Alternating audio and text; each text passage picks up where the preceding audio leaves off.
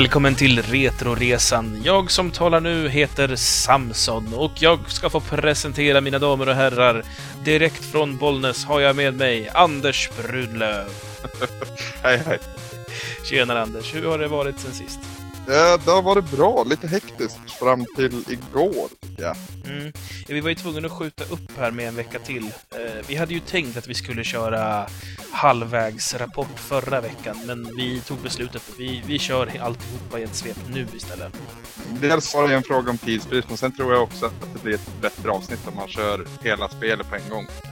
Vi kan skylla bort, eller vi kan bortförklara oss hur mycket vi vill. Det är dags att sätta igång helt enkelt.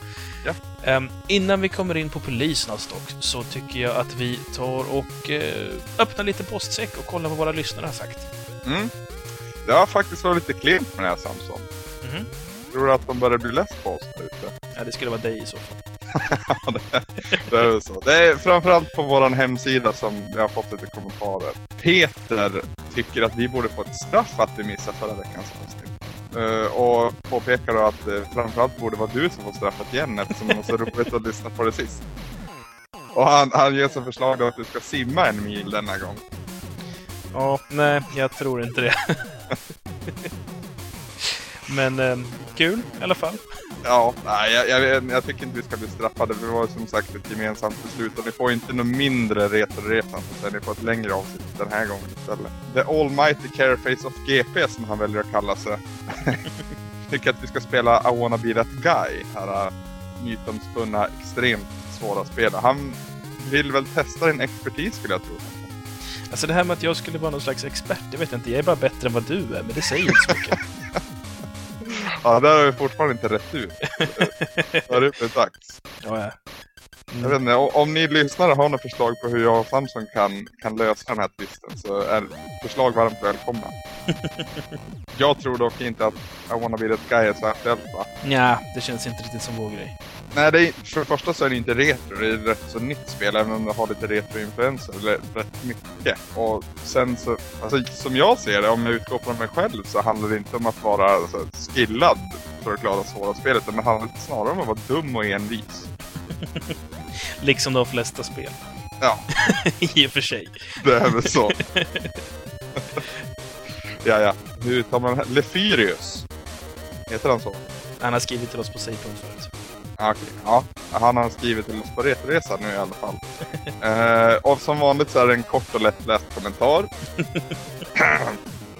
eh, han tyckte det var kul i alla fall att vi bestämde oss för att spela Polisnots. Det är ju som han säger, ett aktuellt spel trots att det är retro. I och med att den här översättningen kom så pass nyligen.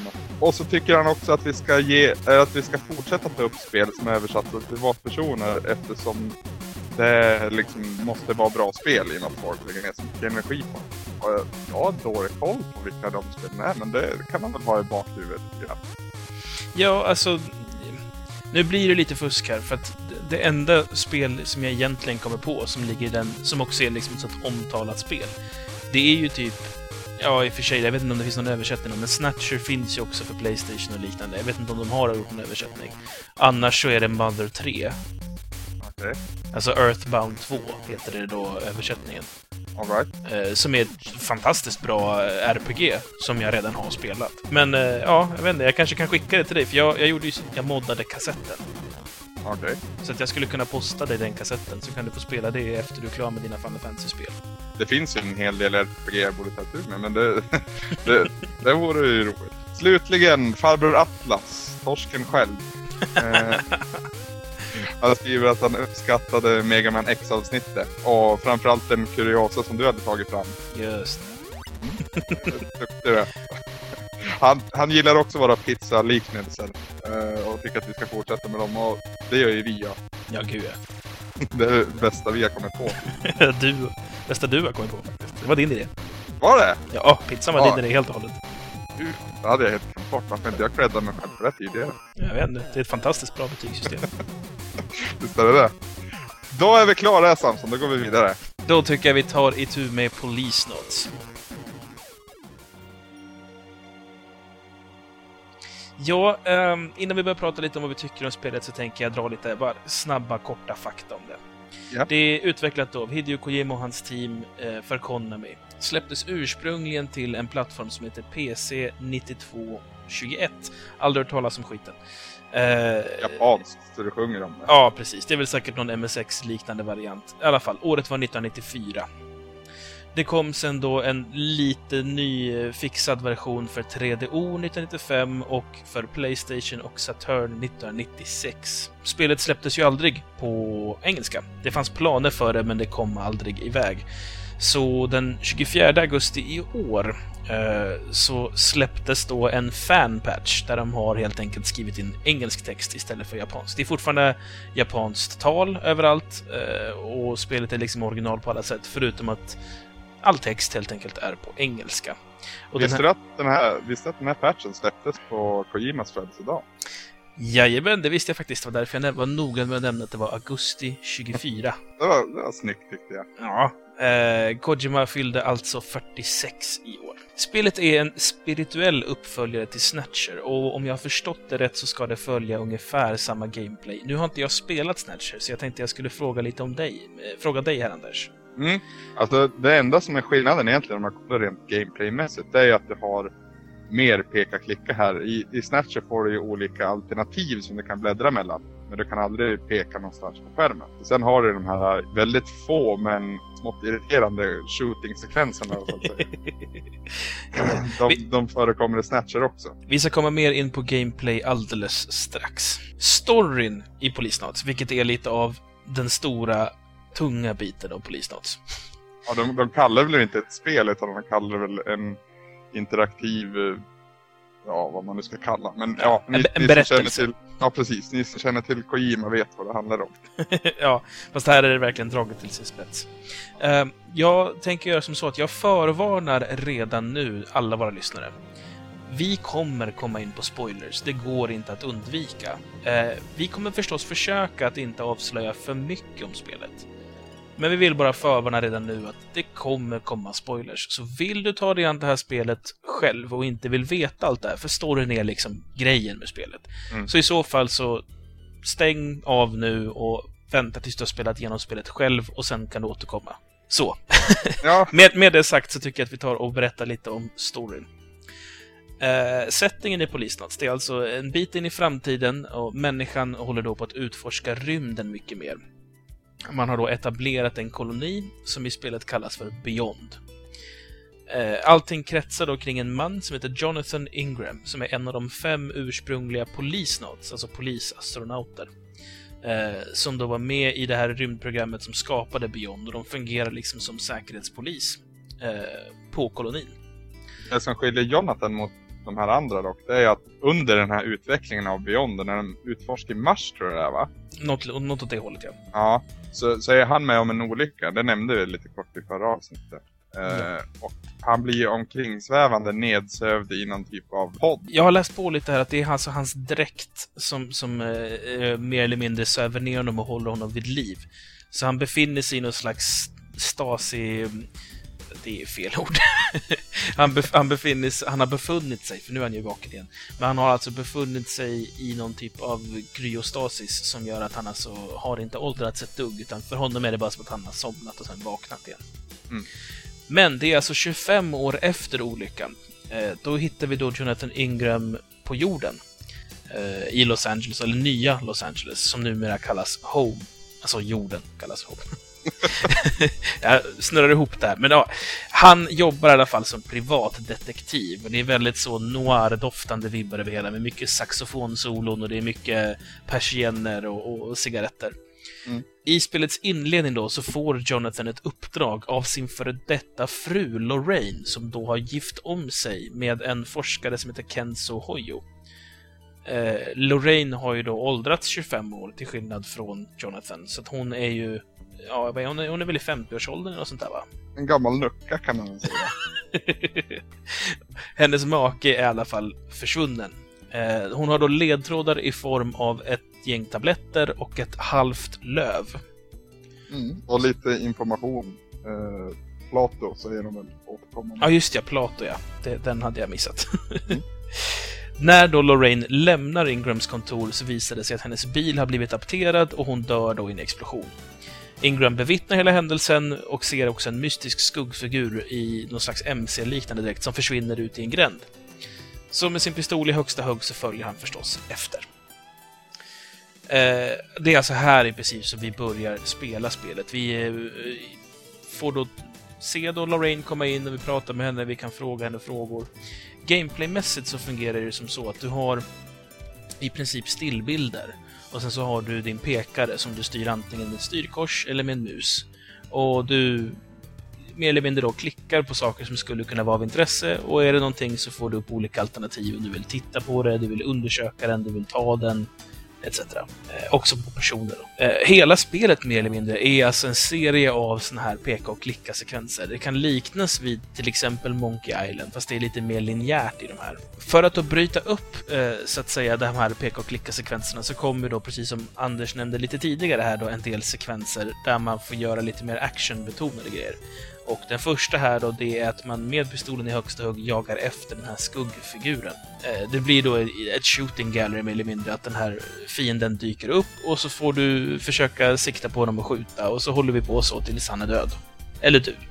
Jag, vart ju tipsad av eh, Sebastian Magnusson på Speltorsk om att använda Playstation-musen som jag faktiskt innehar eh, till det här spelet. Och det gjorde jag och det är jag jäkligt glad för, jag. Jag hade ju inte den. så att eh, jag, jag har ju svurit mycket i frustration åt tvn här när jag, när jag inte får till det med att det går för slött. Ja. Det finns inte heller någon riktigt bra inställning för att styr, ställa in känsligheten i ja, styrpeksmusen då i mitt fall. Jag vill inte ens tänka på det. Ja, vi kommer komma till de, de partierna sen, men det finns ju några partier i det här spelet som är frustrerande svårt på fel sätt. Vidare i spelet då så tar man sig vidare till Beyond då, den här rymdstationen eller kolonin då. Där man då möter upp med Jonathans gamla polisnotspolare Ed Brown. eller Murtaugh som jag kallar honom. Danny Glover kan man väl också kalla honom kanske? Ja, ja okej då. Men jag säger karaktärens namn, inte Danny Glover. Här, här är det ju uppenbart direkt vad är det? För även om man har sett Jonathan Ingram så kanske man inte riktigt kopplar på det sätt. Men så fort man ser dem stå bredvid Murtaugh eller Ed Brown, då ser man precis vad, vad är det Kojima vill påpeka här och det är ju det är en kärleksförklaring till de dödligt vapenfilmerna. För Ingram, helt plötsligt när man ser honom så inser man att han är fan jävligt lik Mel Gibson på 80-talet. Ja, med blått hår i princip så har han Mel Gibson. Ja, men det är, det är den frisyren, det är attityden och det är hela grejen. Och, och så förstås då Ed Brown som är en lite äldre man, mörk eller svart, med mustasch. Alltså man förväntar sig att han ska säga I'm too old for this shit hela tiden. jag har varit lite besviken faktiskt, för han yttrar aldrig de orden. I Snatcher, om jag får dra en liten parallell där, då var det ju snarare Harrison Ford och jag vet inte vad den karaktären heter men i... Decker. Ja, Decker i, vad fan heter filmen då? Blade Runner. Gud ja. Anders. vad fan. Det är eh, filmhistoria. I Blade Runner i alla fall. Eh, den här långa rocken, blotta rocken kan man nästan kalla den. Och det futuristiska som han springer omkring i. Så det, han tycker om att dra referenser på Jimmy, helt klart just den filmen, Blade Runner, har ju också så att säga satt sina spår i den här. Hela den här Beyond-kolonin känns ju väldigt mycket som en OVC eh, mm. från, från Blade Runner Lauren, så att säga. Man kan väl nämna det, att Jonathan Ingram då, han har aldrig varit upp till Beyond sen det färdigställdes. Just ja, nej. Han var ju bara där när den var i sitt prototypstadium, men sen så var han ju med om den här olyckan då. Ja, han eh, vart ju liksom avskräckt efter den här olyckan och tycker inte om den här ja, viktlösheten kan man väl kalla det, eller viktminskningen, vad fan säger Ja, det är ju, eh, de har ju en artificiell gravitation på Beyond. Att då hela, hela Beyond är i princip en gigantisk cylinder och människorna befinner sig då på insidan av cylindern längs med eh, ytterkanten av den. Mm. Så för att skapa en känsla av gravitation så snurrar den här hela tiden och centrifugalkraften gör då att människorna trycks ut mot väggarna så att man då får en känsla av gravitation. Men den är inte helt likadan som gravitationen på jorden. Och det gör att man konstant har en lite annorlunda känsla i kroppen. Mm. Uh, där är det också någonting som jag tycker Kojima lägger lite tyngd i. Att det, det är mycket som handlar om att det är liksom svårt att fixa det så att det blir rätt på Beyond. Eh, vi får lära oss en hel del om att eh, hon har problem med strålning och att eh, folk behöver i princip reservdelar i form av organ då för att grund av bland annat strålning men också gravitationen, att det liksom påverkar människokroppen så pass att förr eller senare behöver du då genomgå en organ... Ja, du behöver få en organ, ett organ donerat mer eller mindre för att kunna klara dig så småningom här. Mm. De eh. visar tydligt, det är väl något, något parti också mot slutet tror jag, när de säger att människan hör inte hemma i, i rymden eh, ja, moder natur har slagit så hårt de kan mot oss. Eh, Kojima gillar ju att ha liksom ett, ett stort och tungt budskap. Och eh, den här gången så är det ju alltså då männi att människan har sitt hem helt enkelt på jorden och inte någon annanstans. Mm. Eh, Kojima är ju i det här fallet väldigt inspirerad av en bok som hette The High Frontier, eh, Human Colonies in Space. Det är alltså en forskningsbok, mer eller mindre, en hypotetisk forskningsbok som skrevs av Dr. Gerard K. O'Neill. Där skriver då O'Neill en, en ganska utförlig beskrivning om, om hur man skulle kunna göra just en sån här koloni ute i rymden. Och vad som då är, så att säga, de riskerna som finns. Och de pratar också mycket om det här med strålning och så vidare. Och hela Beyond Coast, som den heter, är på många sätt en ganska tydlig beskrivning av O'Neills cylinder, då, som han kallar den. Eh, den har ungefär samma storlek som beskrivs i den här eh, forskningsboken. Ja, formen förstås är ju likadan, men en del alltså de fundamentala eh, fysiska liksom, krafterna som existerar i kolonin, alltså för att återskapa livet på jorden, är liksom tagna rakt av. Så Kojima har verkligen liksom gjort sin research på hur skulle det här funka. Det tyckte jag var jävligt kul, just med tanke mm. på att jag jag är så pass nörd att jag faktiskt hade läst den här boken eftersom jag är en gammal rymdnörd. Ja, jag googlade lite när, när du nämnde det faktiskt. Och kollar man på bilderna så är de ju smått identiska. Mm. Ja, alltså det, det är verkligen... Alltså, Kojimas inspiration är tydlig. Och det, är det lät ju som att jag bara kollar på bilderna när jag läser böcker. det låter jag vara osagt om hur det där funkar. Eh, däremot så, så, i, i boken så, så är, är O'Neill mycket mer positiv. Det är inte alls samma domedagsutsikt så att säga, som Kojima ändå presenterat. Det är en ganska mörk och, och eh, sargad bild som Kojima presenterar, medan O'Neill ser mycket mer positiv. Mm. Ja, ja det, det, är lite kuriosa, men jag tyckte det kunde vara kul att ta upp just för att det är ändå ja, någonting som faktiskt existerar som Kojima har tagit inspiration av. Ja men alltså känslan jag får när jag liksom hör om konceptet och, och ja, går omkring på Beyond så att säga. Är att det här skulle ju faktiskt kunna funka det, alltså det känns ju väldigt så här, orealistiskt på sina sätt. Och japanskt på alla möjliga sätt. Men någonstans i bakgrunden så finns det ändå lite förankring i att det här skulle kunna vara möjligt om ja, nu tänker jag inte nämna hur många år, men i framtiden. Jag tänkte vi skulle gå lite vidare här. Spelet är ju fyllt av eh, sådana här små moment som bryter upp peka och klicka-biten. Och jag tänkte faktiskt vara så pass brysk att jag direkt säger, har du någon favorit av dem? För de är ju ganska många till antalet. Du tänker just på shooting-sekvenser eller tänker du på det som går ifrån peka och klicka? Allmänt går ifrån peka och klicka. Det finns ju lite olika varianter. I slutet av akt två då i princip så inleds det ju först med en lång shooting-sekvens med helvete har att göra med. Du befinner dig på en motorväg och jagar den här killen än en gång. Som låg bakom mordet Lorraine. Mm. Hur den är då så kommer det sen till ett läge där du ska diffusa. De desarmera. desarmera, tack. En bomb. Och först ska du hitta den här bomben och då ska man leta reda på liknelse bland väskor. Det låter väldigt konstigt när jag beskriver. Det är som så att, att den här onda snubben som har planterat bomben, han har då tagit en äkta designerväska, nu minns jag inte vad designern heter, men han nämns från början väldigt tidigt. Någon i alla fall, Flåde Designer, han har tagit en sån väska, stoppat en bomb i och sen planterat den inne på ett köpcentrum. Ja, en butik i alla fall. Ja, en butik. Det man då får göra är att man vet att det är en äkta väska. Så det blir väl en så här Finn 5 fel-variant. Mm. Det är 22 väskor sammanlagt och du ska hitta en identisk. Ja, så, du, så du, du, du har ditt original som du vet stämmer och du ska helt enkelt leta efter skillnader. När du hittar den som inte har någon skillnad, då vet du att det här är den med bomben i. Och hittar du fel, då sprängs det och då blir det game over. Precis, så att man får liksom ligga i ordentligt. Plus att blir det game over, jag, jag visste inte... När jag, jag, jag dog en gång för att jag hade problem med de här med väskorna.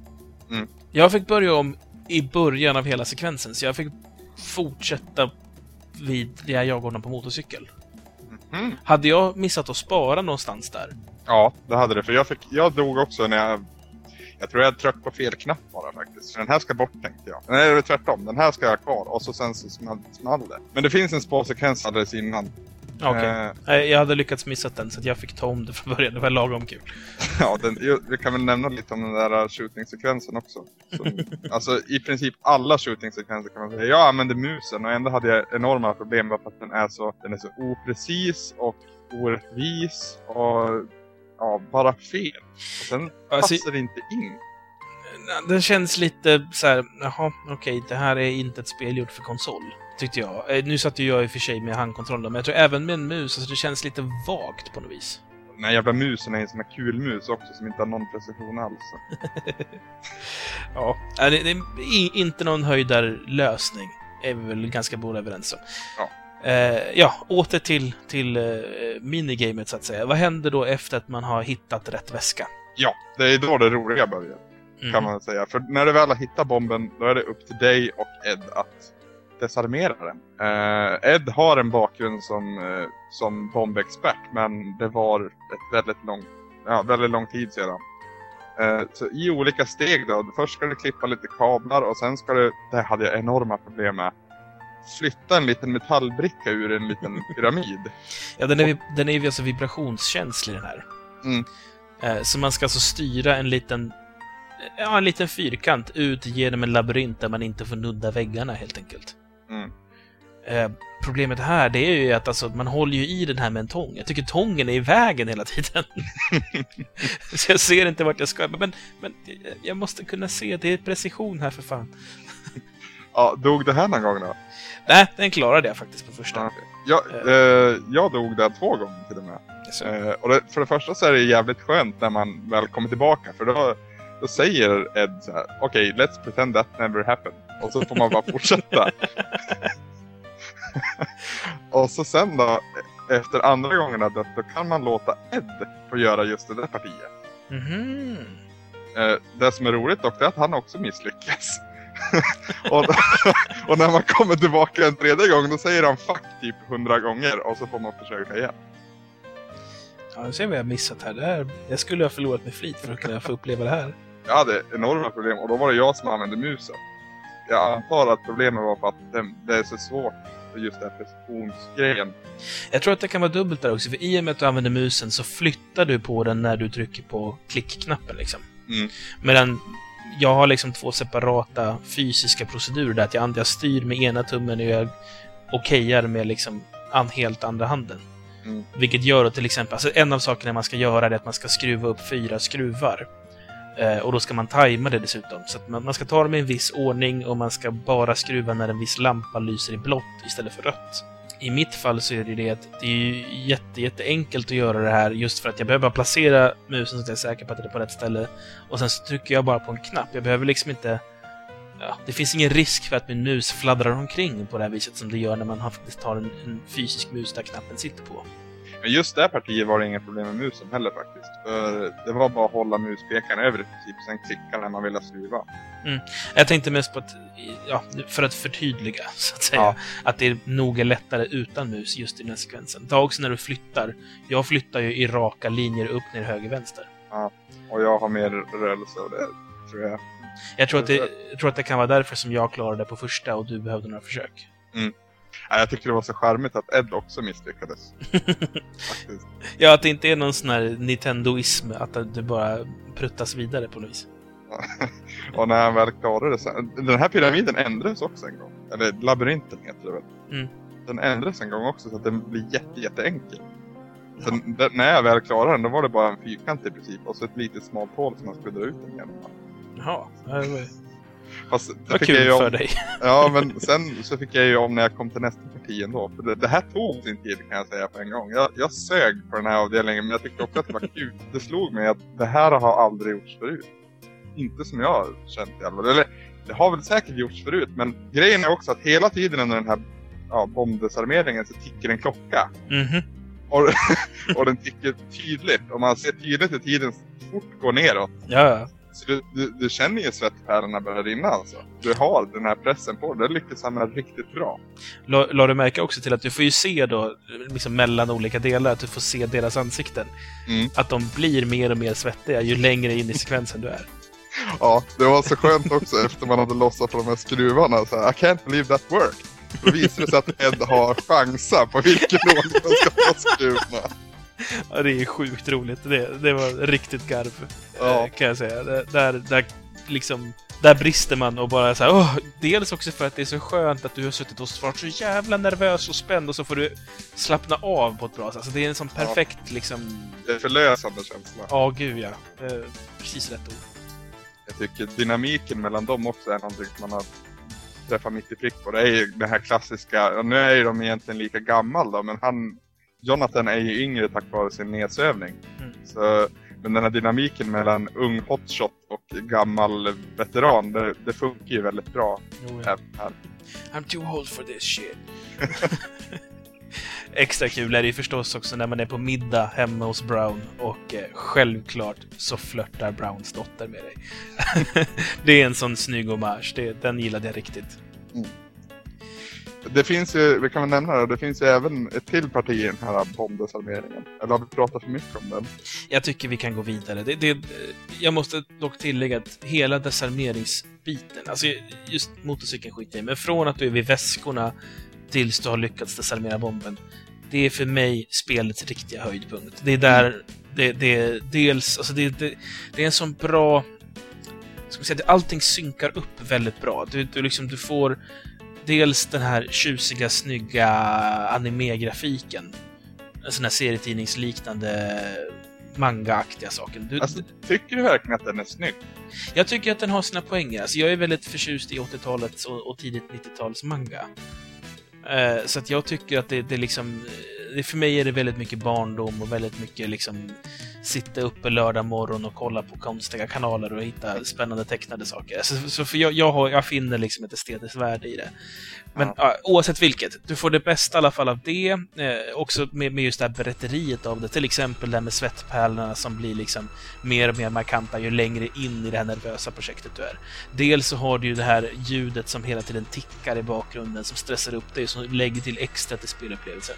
Och sen också så har du ju faktiskt det speltekniskt mest roliga ögonblicket, där du liksom ska eh, faktiskt får använda dig av, av då musen inom citationstecken på ett sätt som, som är som roligast.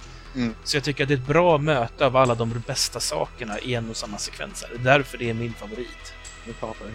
Så, ja, men om vi går in lite på den grafiska där istället, för det tycker jag är på sin plats. Ja, det är kanske dags ja. Eh, jag älskar ju Snatcher. Där använder man ju en, en av grafikmotorn uppskalad eh, berätteri så att säga.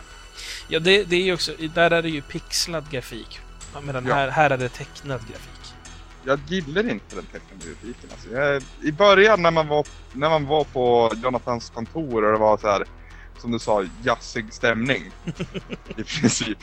Där gillar jag skarpt. Men sen så fort det kommer till Beyond så blir allting så jävla ljust och glatt. Och det blir... Det känns inte dystopi riktigt. Någonting som har riktigt fångade i Snatcher istället. Där allting är mörkt och nedgånget och... Ja, det, jag förstår ju varför det inte är nedgånget på Beyond. Men alltså, ja. Jag tror att, alltså, det känns, du, du har en poäng där. Det känns som att hela grejen med Beyond Coast är att man ville liksom ge någon form av artificiell känsla. Att det skulle nog egentligen kännas för plastigt. Det skulle nog kännas så som det känns med arkitekturen i Robocop. Alltså Mm. filmen. Jag tror att det var något sånt man siktade på, men man lyckades inte riktigt. Så det blev ganska hemtrevligt där uppe, tycker jag. Det, det, var, det var liksom färggrant och det var ljust och det var mycket växter. Det, det var liksom inte den här kliniska känslan som jag tror att Kojima var ute efter. Utan det, det, det föll lite på mållinjen där. Mycket nog för att man liksom valde att köra på den här designstilen i den här manga, eh, ja, eller anime-stilen på det alltihopa. Mm. Eh, dock så tycker jag inte spelet lider av det. Jag har inga problem med att jag trivs på Beyond Coast. Det ställer ju sig i, i någon slags eh, bjärkontrast mot, mot liksom meddelandet eller budskapet om att det är, människan ska inte vara ute i rymden, att jag faktiskt trivs där uppe.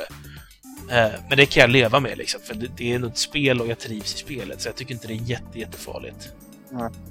Alltså, jag, jag, det, det är inte något jätteproblem för mig heller. Grejen är att efter att ha spelat Snatcher så har man så oerhörda förväntningar på det här. Man tänker att när det ändå är en, en, ett generationshopp så att säga från Sega CD till, till Playstation så det känns att jag borde få med. jag tycker inte att jag får det. Och jag kan väl säga redan nu att jag gillar Snatcher mer än Police också. och det trodde jag inte att jag skulle. Jag har ju inte fått äran att spela Snatcher än, så det är, det är, det är ytterligare en sån sak som jag ska se till att få gjort när jag kommer upp och hälsar på dig. Mm, det tycker jag. Ja, eh, ett annat område som vi ska ta upp det är ju musiken. Alltså, jag tyckte musiken mest kändes som en axelryckning. Eller nej, det är fel att säga. För det, vissa stunder så är det helt suveränt, men andra så in i ena örat ut i andra. Men ta det. Jag skulle säga att jag tycker att musiken är på gränsen till gräslig. Alltså, den känns smörig och... och ja, alltså den, den försöker ju skapa liksom rätt känsla. Det är, men problemet är för många influenser samtidigt. Det är, dels är det noir med den här släpiga saxofonen. Dels är det 80-tals actionfilmen med Mel Gibson och Danny Glover. Dels är det science fiction-temat. Det är för mycket på en gång och det blir bara soppa av alltihopa. Det är faktiskt det. Och det, det, är tragiskt att behöva lyssna på en, en släpig 80-tals saxofon. Alltså, du vet, om du tänker att du ser en film där, där hela så här, filmsekvensen börjar med att man ser en bildörr öppnas och det kommer ut två så här, kvinnoben med högklackat. Det saxofonsolot som du hör i bakgrunden, det ligger liksom nästan konstant. Ja, det, det tänkte jag på. Vissa musikstycken är för kort. Så att de hinner loopas om och om och om och om igen innan sekvensen är klar. Ja, särskilt med tanke på att många sekvenser så sitter man ju... Alltså när man har liksom klickat på allt som var intressant så sitter man ju mest på och letar efter vad är det jag ska klicka på nu för att få komma vidare här. Typ när du ska upp till, eh, ja vad heter han då?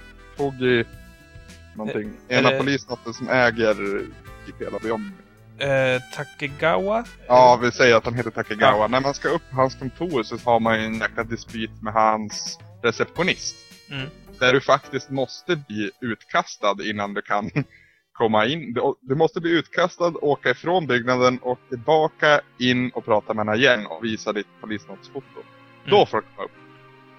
Det är jäkla massa bök helt enkelt.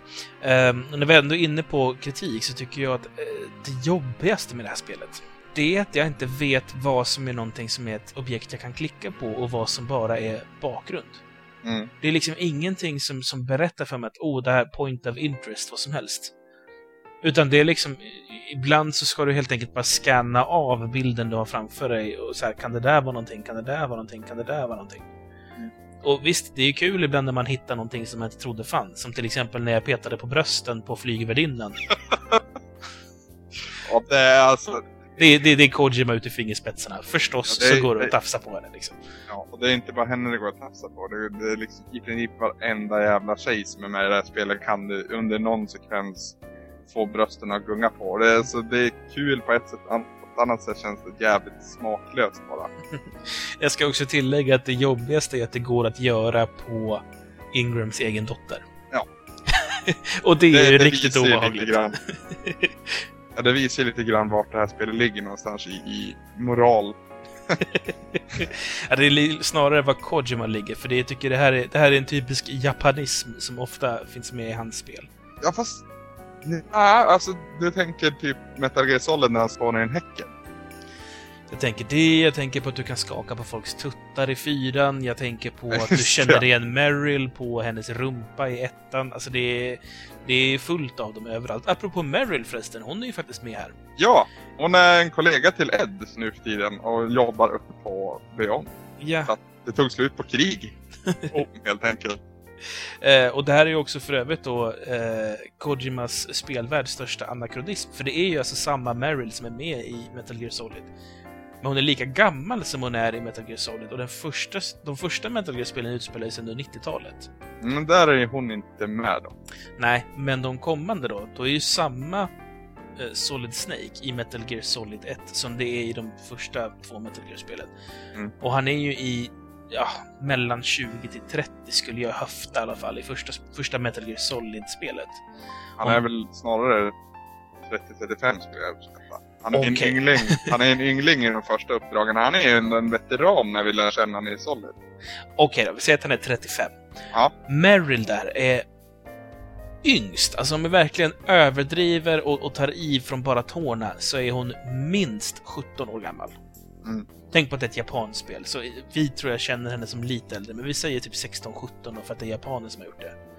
Det här skulle innebära att hon i det här spelet är någonstans i 50-60 års åldern, minst. Mm. Och hon ser ju inte ut det, hon ser ut att vara typ 20 kanske? Tycker hon ser för jävlig ut jag bara faktiskt. Ja, hon har ju den där be ja, bedrövliga frisyren som är väldigt 90-tal. ja, hon är med i alla fall. Kul detalj. Inte så jättemycket mer att prata om det, Hon jag. har sin Foxhound-tatuering internt. Ja, förstås. Men eh, det finns ju även, om man kollar, nu går jag tillbaka till Snatcher en gång, men där finns det ju även din medhjälpare, din sidekick i Snatcher, den heter ju Metal Gear. Och den Ja. ser, ser ut som exakt som den Metal Gear som du har i Metal Gear Solid 4. Så han tycker om att jonglera lite, Kojima, med, med sina karaktärer och, och, och så. Och likt hans tidigare spel, framförallt Metal Gear Solid, så visar det sig förstås att det finns en gigantisk konspiration igång. Eh, som sagt, vi ska försöka att inte spoila allt för mycket, så jag tycker vi bara försöker beskriva i korta drag vad det är som har hänt. Mm. Eh, det första då, det, det är ju att Jonathan Ingrams olycka för 25 år sedan var ju kanske inte en olycka. Nej. Eh, det visar sig då att de, de här fem polisnotsen som Jonathan var en del av, det kan vara lite, lite konspirationsläge där mellan de olika fem. Jag kan väl säga att ena av de här polisnotten, det är ju Ed. Mm. Sen har vi även, nu kommer inte jag ihåg namnen på allihop, men en är polischef, en är chef över ett stort eh, beyond-täckande läkemedelsföretag. Ja, så det är väl eh, Tokugawa, eller Takegawa, jag kan inte uttala hans namn. Ja. Eh, han är väl eh, den som är liksom chef över, eller? Är jag ute och cyklar där? Jo, han är, han är chef över, Ja. ja. Eh, ja, vad nu företaget heter. Och sen så är det ju, eh, ska vi se här, Salvatore Toschi, Toscanini, heter han så? Mm. Eh, och han är, eh, vänta nu, vem av dem var var han? Han är väl den här lite mer italienska typen. jo, det är Salvatore Toschi. Han, vi- träffade han först på uh, Tokigawa, så heter han så, hans eh, fest. När man väl har tagit sig förbi den här receptionisten i det parti jag nämnde tidigare så kommer vi upp på en, på en fest på The Garden-våningen där allting är viktlöst. Mm. Då, där träffar vi på både han och Tokigawa igen. De är på något sätt in business så att säga. Mm. Man vet inte riktigt vad han sysslar med. Sen har du ju också Gatze Becker. Yes. Eh, och det, är det han som är polischefen? Eller är jag ute och Jajamän. cyklar? Okej. Nej, det är han som är polischefen. Och han har sån pondus i sitt utseende så jag varit alldeles knäsvag när jag såg honom nästan. för, för när det väl träffar Ed så träffar han på polisstationen på Beyond, långt ner i källaren. Har han blivit förpassad för att han anses som värdelös. All polisverksamhet sköts via, ja vad heter de, EMPs. Ja, ESMP, ja, något åt det hållet. Ja, det är alltså robotar kan man väl säga som man kliver in i va. Eller MEX kanske man hellre ska kalla dem. Ja. Och eh, den nya polisstyrkan heter alltså AP, Advanced Police. Mm. Så de här vanliga, hedliga poliserna, de har blivit förpassade ner i källaren och där vi hittar Ed och Meryl bland annat. Och även den här hamburgerälskande Dave. Eh, Kenzo Hoyo, som var gift med Lorraine, alltså Ingrams tidigare fru. Han har alltså jobbat då på eh, Tokugawas eh, medicinföretag, eller vad ska jag kalla det? Ja, hans, hans Pharmacy R&D, Research and Development. Eh, där har han då eh, lyckats bli indragen i produktionen av en drog som kort och gott kallas för NARC. Ja, produktionen av en drog och framförallt, eh, det är svårt att eh, smuggla den här drogen. Det är väl en kombination av tre olika droger som finns idag. Jag kommer inte ihåg vilka det är egentligen, men Mm. Krävs väldigt små doser för att ge väldigt stor effekt och det är därför det är populärt. Mm. Och det är ett problem som är väldigt förekommande på Beyond. Problemet för de som vill distributera den då, det är att det är svårt att smuggla in den. Där har de hittat ett litet loophole då, så att säga. Och vi ska inte berätta vad det är exakt för loophole för att bespara er hemligheterna, men det här halva lövet vi nämnde lite tidigare, det ger en liten ledtråd. jag fattar ju ingenting från början. Men ju längre in man kommer desto mer så förtydligas det. Och så, det är så skönt när man hinner före spelet, eller hinner före Jonathan i det här fallet, att börja tänka i de banorna som man så småningom tänker. Man känner sig riktigt eh, ja, det är inte så svårt egentligen. Men man känner sig lite skillad. Man känner sig lite... Jag vet att jag tänkte i alla fall en gång att jag kanske skulle satsa på en karriär som privat. det var väl inte någonting som gick genom min hjärna kanske? Nej, det var väl en, smula ironi också. Men det, det, är i alla fall kul man hinner före Jonathan till att förstå någonting. Ja, vi ska inte säga för mycket om storyn nu, för det är inte riktigt därför vi har Retoresan. Så jag tänkte fråga dig istället, Anders. Vad, eh, vad gillar du mer med spelet? Ja, alltså, jag sa ju tidigare att, att Snatchers är fortfarande högre i min kurs. Med det sagt så är det ju fortfarande ett väldigt underhållande spel. Alltså, det blir väldigt mycket text och det blir väldigt mycket ja, klickande på vad fan som helst för att ta sig vidare. Men hela tiden blir matad med den här enorma samlingen, eller mängden text. Eh, en, en loge som översatte det förresten. Eh, hela tiden så vill man ändå fortsätta och det är svårt att slita sig för att storyn någonstans griper tag i en. Det är bra betyg bara i det att man inte kan slita sig från spelet. Sen tycker jag att de här shooting-sekvenserna och den här väldigt japanska inställningen till kvinnor och, och så, det, det tar ner betyget bra mycket. Ja, alltså jag, jag tycker ju faktiskt lite likadant. Nu har ju inte jag spelat Snatcher, så jag kan inte jämföra med det på det samma sätt. Men spelet är indelat i sju akter. Eh, och sen då en, en, en, prolog och ja, en epilog, om man får kalla det det då. Mm.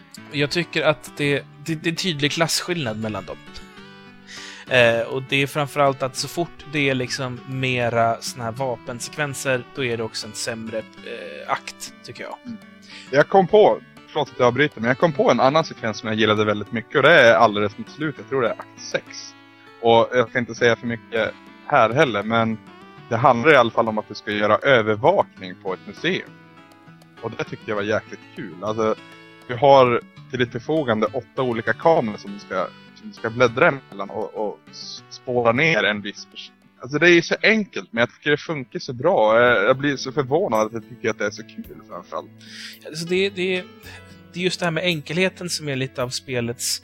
Eh, dels så är det ju lite en del av spelets styrka. Det är faktiskt väldigt, väldigt enkla medel man jobbar med. Det är ju inget komplicerat som händer någonstans. Eh, alltså gameplaymässigt, eller egentligen storymässigt. Det är en ganska rak historia. Den känns igen väldigt mycket från alltså, till exempel Dödligt vapen, eller varför inte Beverly Hills Cop. Det är liksom, visst, det finns ett mysterium där, men det är inte så jättesvårt att lista ut egentligen. Eh, och visst, det här tar ja, åtskilliga timmar att klara då istället för att ta en och en halv. Eh, men, men det är liksom i grund och botten den. Och det, det här, den här enkelheten är dels någonting som är trevligt, men samtidigt så är det lite den stora bristen med spelet också. Mm. För att jag, jag köper Kojimas bizarra, styltiga berättande och jag köper hans... Eh, alltså han tvingar ju med en spelaren att ha tålamod hela tiden, i alla sina spel. Mm. Och i vanliga fall gör jag det för att storyn är så intressant och så himla invecklad och absurd och det är så mycket att hålla reda på att man behöver sitta med anteckningsblock i princip. och i det här spelet så behövs ju inte det, för det, det, det, är, en, det är en vanlig story liksom.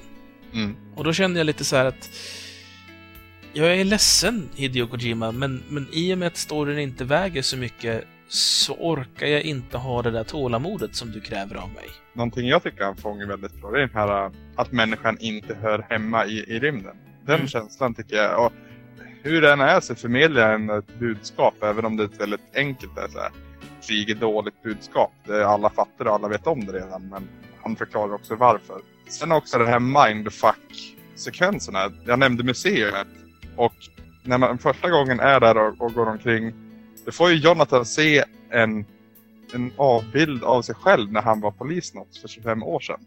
Och han ser fortfarande likadan ut i och med att han har varit nedsövd. Medan Ed då ser sitt yngre sitt yngre jag. Han är, han är duktig på att, det är väldigt intressant, ska man säga, en intressant sekvens då kan jag väl säga.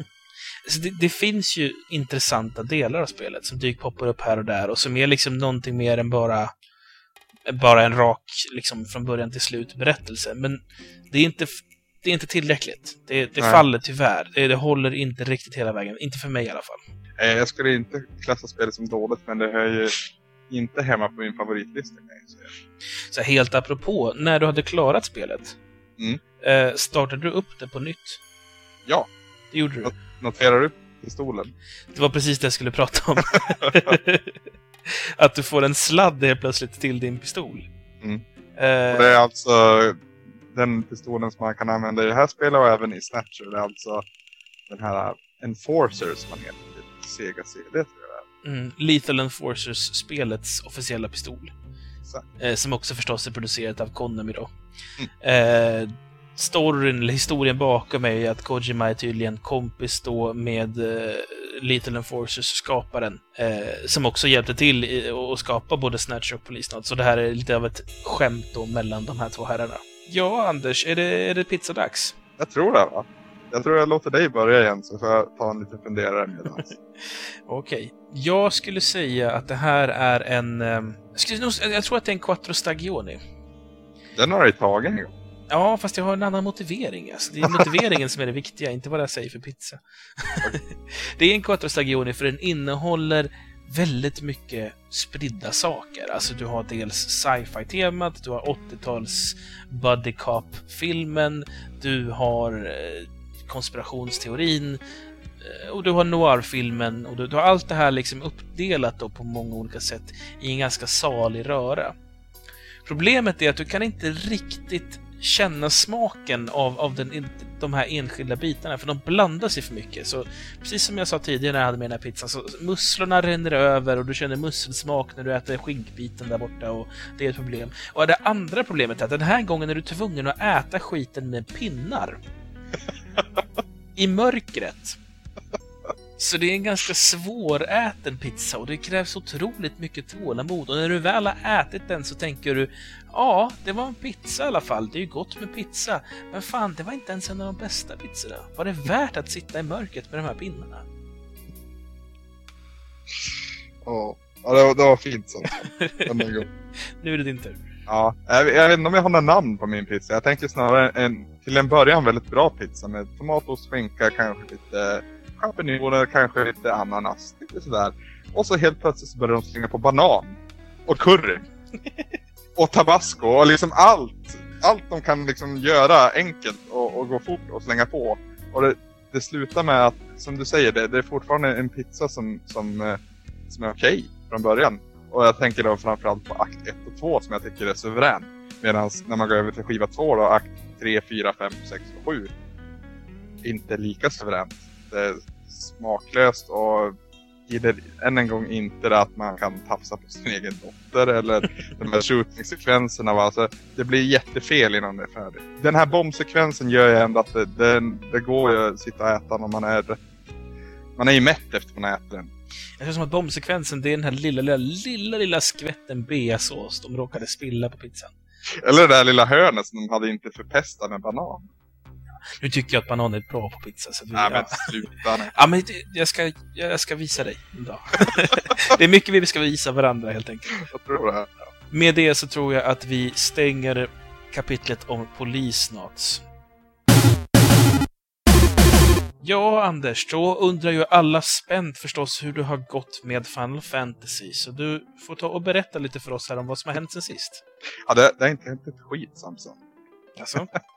Nej, eh, som vi sa. Den här, eh, det här spelet tog ju sin tid dels och sen har det varit mycket tidsbrist. Så jag, jag helt enkelt prioriterar polisnats för att hinna klart med den så att inte du kan skälla på mig. Och, och då tänker jag att jag har två timmar över innan inspelning och då känns det snarare som att då satsar jag på att ha ett riktigt bra Final Fantasy-segment nästa avsnitt istället. När vi ändå pratar om nästa avsnitt, då ska vi förstås presentera vad som är spelet inför nästa. Det vi tar oss an är då Little Nemo The Dream Master. Släpptes 1990 av Capcom till Nintendo Entertainment System. Det är 8-bits kärlek på gång. Mm. Eh, ska inte säga så jättemycket om spelet, men det är baserat på en väldigt, väldigt viktig serietidning som heter Little Nemo in Slumberland av författaren Winsor McKay.